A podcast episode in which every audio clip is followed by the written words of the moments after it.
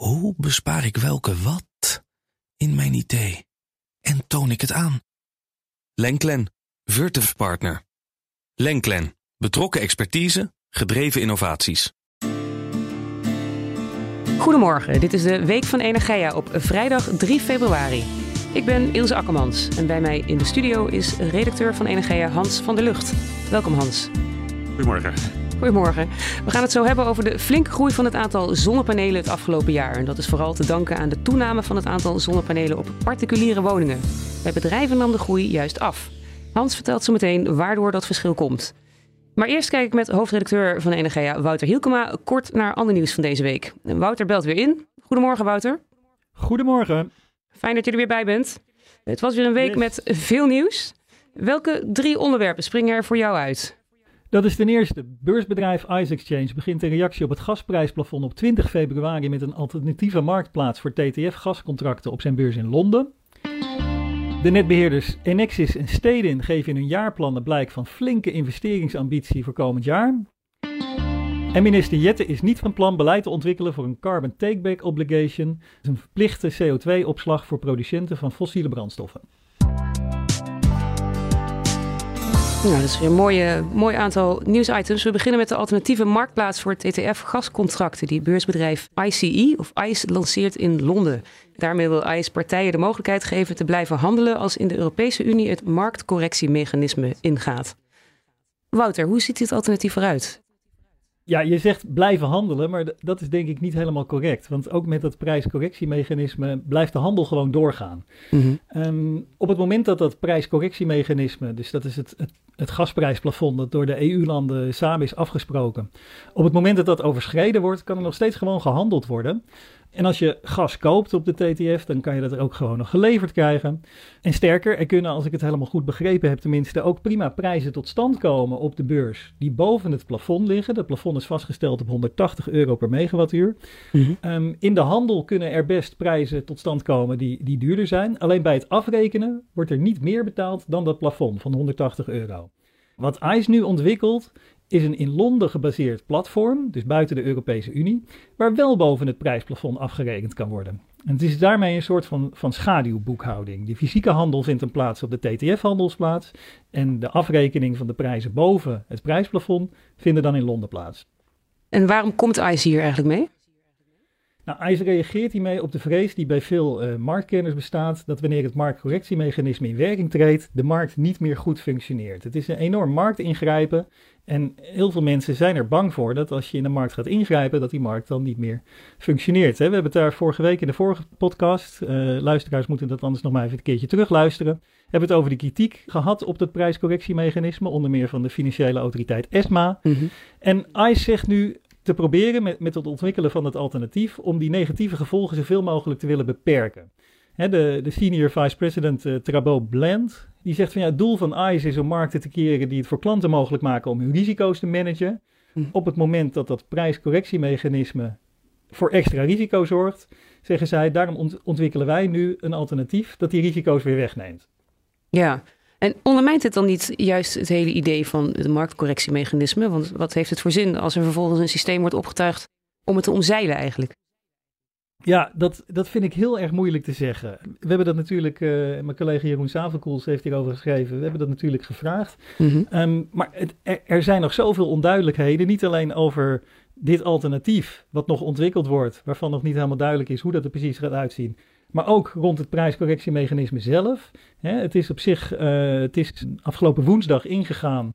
Dat betekent dat het vanaf 15 fe februari, als ik het goed heb, is dat prijsplafond daadwerkelijk uh, in werking. Maar er is nog zoveel onduidelijk wat er precies gebeurt op het moment dat dat prijsplafond overschreden wordt.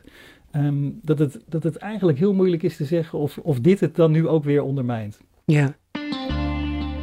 Ons tweede onderwerp van vandaag. Stedin wil dit jaar de capaciteit van zijn elektriciteitsnetwerk uitbreiden met 425 megawatt aan vermogen.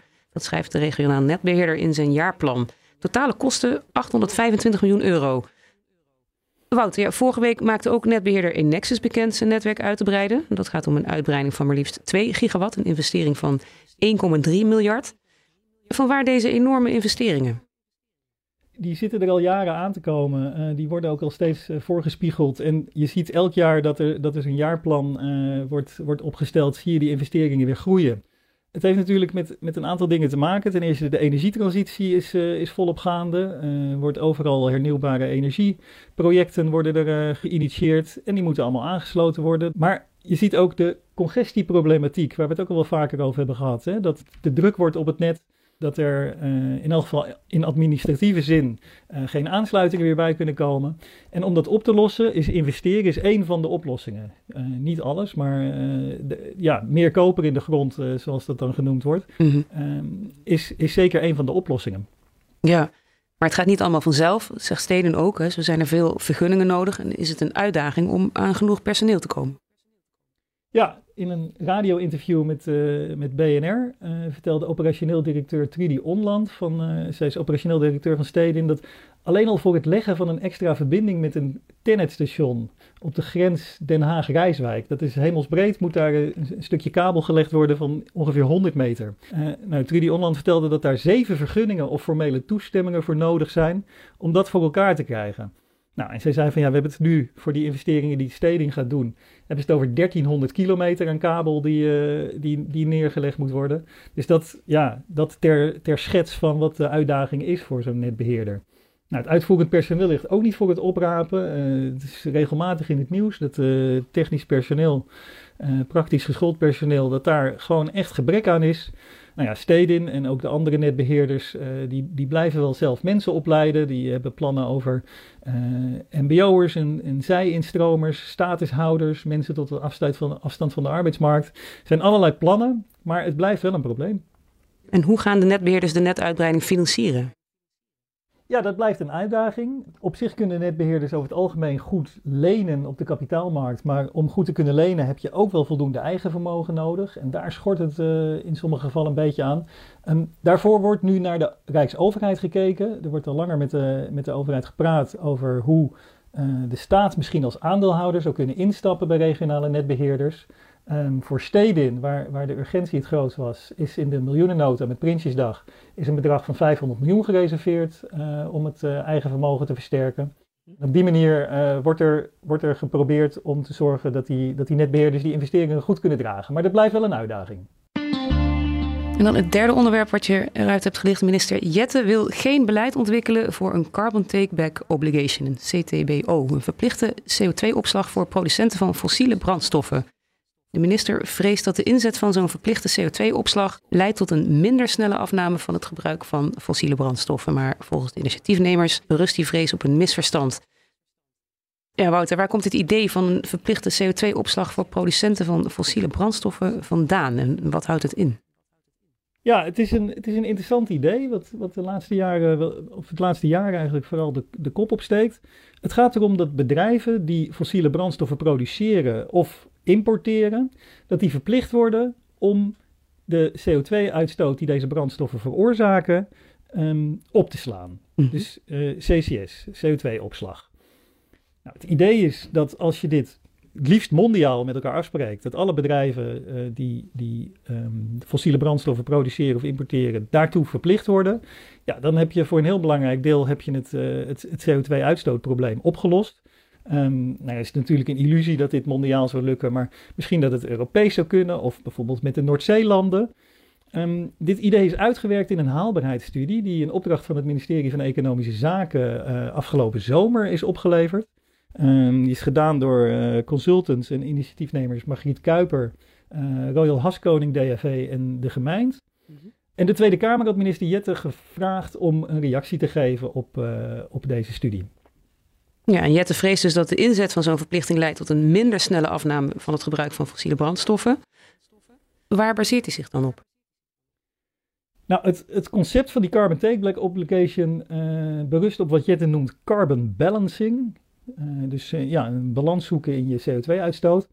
Um, maar dat biedt dus de mogelijkheid om nog steeds fossiele brandstoffen te blijven winnen en te blijven gebruiken, zolang daar maar elders voor gecompenseerd wordt. Bijvoorbeeld door, door die CO2-opslag. Mm -hmm. Uit die onderzoeksresultaten, hè, die haalbaarheidsstudie van vorige zomer, daar blijkt dat bij implementatie van die Carbon Takeback Obligation, dat uh, het gebruik van fossiele brandstoffen tot 2050 hoger zal zijn dan wanneer je niet zo'n carbon take back obligation uh, invoert, maar ander beleid voert. Mhm. En daarvan zegt Jette van nou dat is dan in strijd met het huidige kabinetsbeleid, wat toeziet op een uh, afname van het gebruik van fossiele brandstoffen.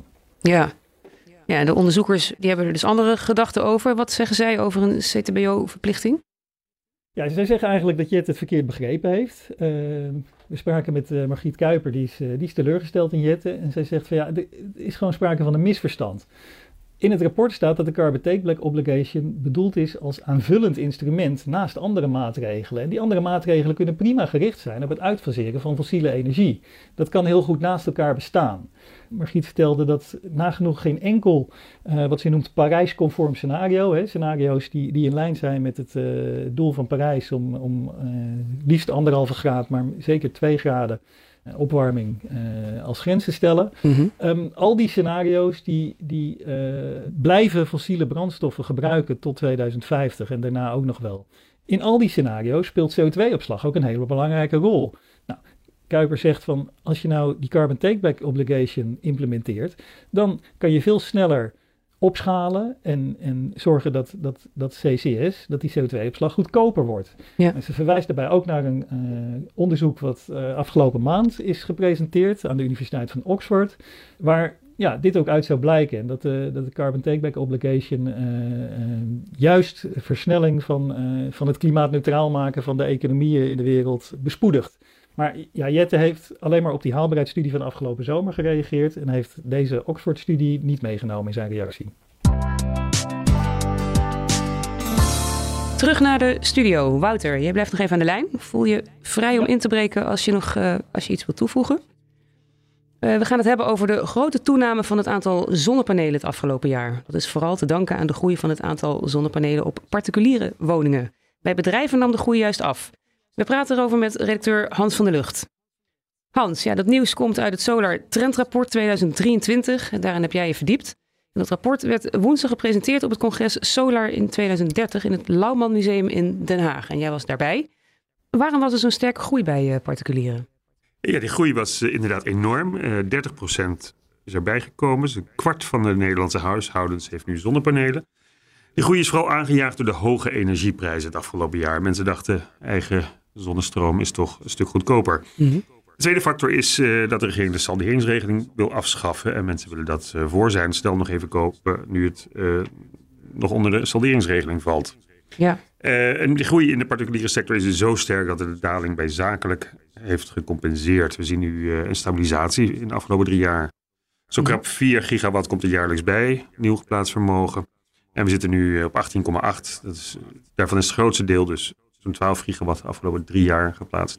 En wat is er dan aan de hand met de, met de zakelijke markt? Want daar was de groei dus lager dan het voorgaande jaar. Ja, de zakelijke markt is een heel ander verhaal. Uh, grote projecten als zonneparken en grote zonnedaken op bedrijfsgebouwen, die lieten een daling zien, maar dat heeft heel andere oorzaken. De zonnepanelen zijn duurder geworden, materiaalkosten zijn hoger, transport over zee is veel duurder geworden. De meeste panelen komen toch uit China. En de rente is gestegen, dus hogere financieringskosten. Bedrijven doen daarom uh, de rekensommetjes opnieuw en, en niet altijd uh, zijn ze dan positief over het resultaat. Mm -hmm. En uh, dan kan een project worden afgeblazen. en de derde factor is de netcapaciteit. In grote delen van het land is een aansluiting moeilijk te krijgen. aansluiting van een huishouden met een paar panelen, dat is geen probleem. Maar een zonnepark van 100 megawatt aansluiten, dat vergt toch andere investeringen. Ja. Ja, je had het over de afbouw van de salderingsregeling. Hè? Maakt de sector zich daar zorgen over, over het afschaffen daarvan? Ging het daarover op het congres? Uh, nee. Voor de sector is het helemaal geen, uh, geen issue. Uh, voor particulieren blijft het voordelig om met zonnepanelen in een deel van de eigen stroom te voorzien. Volgens een berekening van Dutch New Energy, dat is het bureau dat het Solar Trend Report publiceert, mm -hmm. is die terugverdientijd van zonnepanelen nu vier jaar, terwijl de levensduur een jaar of 25 is. Mhm. En ook al wordt de salderingsregeling afgeschaft, zoals nu de regering van plan is, dan is de terugverdientijd nog altijd uh, zeven jaar voor iemand die in 2027 panelen gaat kopen. en als gezegd, met een, lever, met een levenstijd van 25 jaar is dat nog altijd zeer voordelig. Dat die afschaffing geen grote invloed hoeft te hebben, werd nog ondersteund door een spreker uit Vlaanderen. Wannes de Marke van de organisatie Duurzame Energie Vlaanderen waar men een uh, vergelijkbare regeling in 2020 afschafte. De regeling werd door de marken aangeduid als de terugdraaiende tellerregeling. Dat officiële naam is, weet ik niet. Maar een ouderwetse verbruiksmeter van elektriciteit. Die gaat terugdraaien inderdaad als een huis stroom levert in plaats van verbruik. Dus zodoende. In Vlaanderen is die dus in 2020 afgeschaft. Nu krijgt men uh, marktgebaseerde vergoeding voor invoeding. Mhm. En er is een investeringspremie voor de aanschaf en plaatsing van de zonnepanelen. Het effect van het afschaffen was, was minimaal. Er was vlak voor de afschaffing een kleine piek in de verkoop. Uh, en na de afschaffing een klein dal. Hè, mensen hadden dus de aanschaf uh, naar voren gehaald. En verder bleef de verkoop gewoon goed draaien. Dus, dus het netto-effect was eigenlijk nihil. Dus ook in Nederland maakt men zich daar geen, uh, geen zorgen over. Waar men wel uh, een probleem mee kan gaan krijgen, is dat we dus inmiddels een kwart van de huishoudens uh, zonnepanelen hebben liggen. Mm. Op een gegeven moment wordt dat percentage zo hoog dat er eigenlijk geen groei meer mogelijk is. Dan zijn alle huishoudens die panelen willen of kunnen hebben, die zijn voorzien. Ja. En dan, dan krijg je alleen nog maar een vervangingsmarkt. Verzadiging van uh, Precies, verzadiging. En, en nou ja, goed, daar kan men, daar kan men niks aan doen. En wat zijn dan onderwerpen waar, waar mensen zich op zo'n congres dan wel uh, druk over maken? Die zorgen zijn er dus uh, zeker over bepaalde aspecten. Dat gaat vooral om, om, om de zakelijke markt. Allereerst de financierbaarheid. Als gezegd, de financieringskosten zijn gestegen. Nu is er afgesproken dat in 2025 hernieuwbare energie ook uh, subsidieloos rond moet kunnen komen. Dus daar ziet men een probleem. Mm -hmm. Want uh, zonder de, de, de garantie van een subsidieregeling worden de risico's toch groter voor een bank. Mhm. En gaat er vanzelf nog weer een marge op de rente. Dus worden die financieringskosten nog hoger. En, en dat zou men willen voorkomen. Wijnand van Hoofd, de directeur van branchevereniging Holland Solar, die, die suggereerde dat er toch een vorm van subsidie moet blijven. Uh, als het veelbesproken contract for difference, wat in de, het Verenigd Koninkrijk veel gebruikt wordt. Contract for difference is, je spreekt een prijs af. Hiervoor leveren wij de zonnestroom. Is de prijs lager dan vergoed, uh, de overheid uh, dat tekort. Uh, is de prijs hoger echter, dan krijgt de overheid dat als cadeautje in de zak. Dus ja. de zonne-exploitant weet waar hij aan toe is.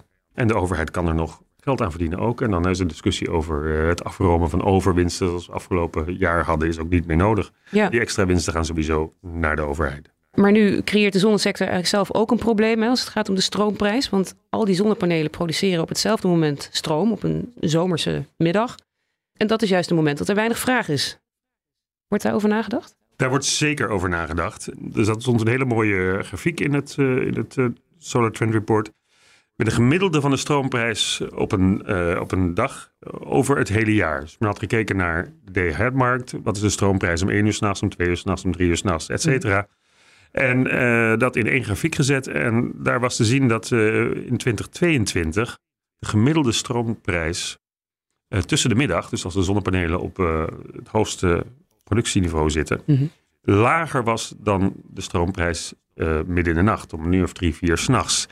normaal gesproken is juist die stroomprijs s'nachts het laagste. En dit was dus voor, volgens Dutch New Energy, was dit het eerste jaar dat dit rond de middag nu lager lag dan de nacht. En dat komt natuurlijk door al die zonnepanelen die op een zomerse middag vol staan te produceren. Ja, en wat willen ze daarin doen? Uh, mogelijkheid om daar iets aan te doen is gebruik van batterijen. Je slaat een deel van je stroom op, gooit het niet op het net. En uh, je levert die stroom later. Ivo van Dam van Powerfield, die uh, suggereerde dat daar eigenlijk ook een, een, een CFD, Contract for Difference-achtige subsidie voor moet komen. Die, die op een of andere manier garandeert dat, er, um, dat het toch terugverdiend kan worden. Mm -hmm. Maar een uitgewerkt voorstel is er nog niet. Maar in de tussentijd is Powerfield wel bezig om daar toch meer batterijen te plaatsen bij zonneparken om een deel uh, van die stroom op te slaan. Batterijopslag zou ook de problemen van de netbeheerders nog weer kunnen verlichten. Uh, omdat die natuurlijk ook altijd rekening moeten houden met, met die, die, topproductie. Mm -hmm. uh, en daar net voor vrij moeten houden. Dus die lasten worden ook verlicht. En hoe kijkt de sector naar de toekomst als het gaat om de, om de zakelijke markt? Over het geheel genomen is men positief. Ook al zijn die problemen die we eerder schetsten en, en zijn de prijzen van de zonnepanelen gestegen. Maar voor de langere termijn zijn er hele andere problemen. En daar gingen tijdens uh, het congres ook al een aantal sprekers op in. Om te beginnen is er uh, de beschikbaarheid van grondstoffen. Voor de zonnepanelen is uh, silicium, zilver en koper met name noodzakelijk. En ja, met explosie van zonnepanelen is daar natuurlijk een steeds grotere behoefte aan. En, en er wordt opgewezen dat over 10, 20, 30 jaar dat echt grote problemen kan gaan opleveren. En natuurlijk in de hele energietransitie is er veel meer eh, behoefte aan, aan, aan die grondstoffen. Mhm. Op andere terreinen ook. Recycling kan een, eh, een, deel van de oplossing zijn. Het hergebruik van, van gebruikte materialen. Maar ook was er een spreker die zei... misschien moeten we toch het hele concept groei opnieuw gaan eh, overdenken. Mhm. Groei van de economie is nog altijd eh, de, de grote graadmeter. Hoe gaat het met onze samenleving? Eh, een van de laatste sprekers gisteren was Paul Schendeling van Berenschot. Mhm. Die onlangs een boek publiceerde onder de titel Er is leven na de groei. Ja. Eh, zijn betoog was, we kunnen dus niet langer op dezelfde weg doorgaan. Het grondstoffenaanbod is en blijft eindig, zei hij. Er komt een piekmoment voor bepaalde grondstoffen. Jaren geleden was er veel discussie over eh, peak oil. Het zou het moment zijn waarop de olieproductie op het hoogst lag en door eh, slinkende voorraden alleen maar nog lager kan worden. Ja. En zei voor materialen als koper en dergelijke komt er ook een, een piekmoment en daarna wordt het minder. En daar moeten we ons eh, op voorbereiden. In feite was dit eigenlijk een herhaling van de boodschap van 50 jaar geleden. Het rapport van het Rome met de titel Grenzen aan de groei. Interessant. Dankjewel, Hans van der Lucht. En dankjewel ook, Wouter Hielkema. Dit was de Week van Energia met de laatste ontwikkelingen in de Nederlandse energiesector. Op energia.nl lees je meer. Wij horen graag wat je van deze podcast vindt. Laat het ons weten via podcast.energia.nl. Mijn naam is Ilse Akkermans. Fijn dat je luisterde en tot volgende week.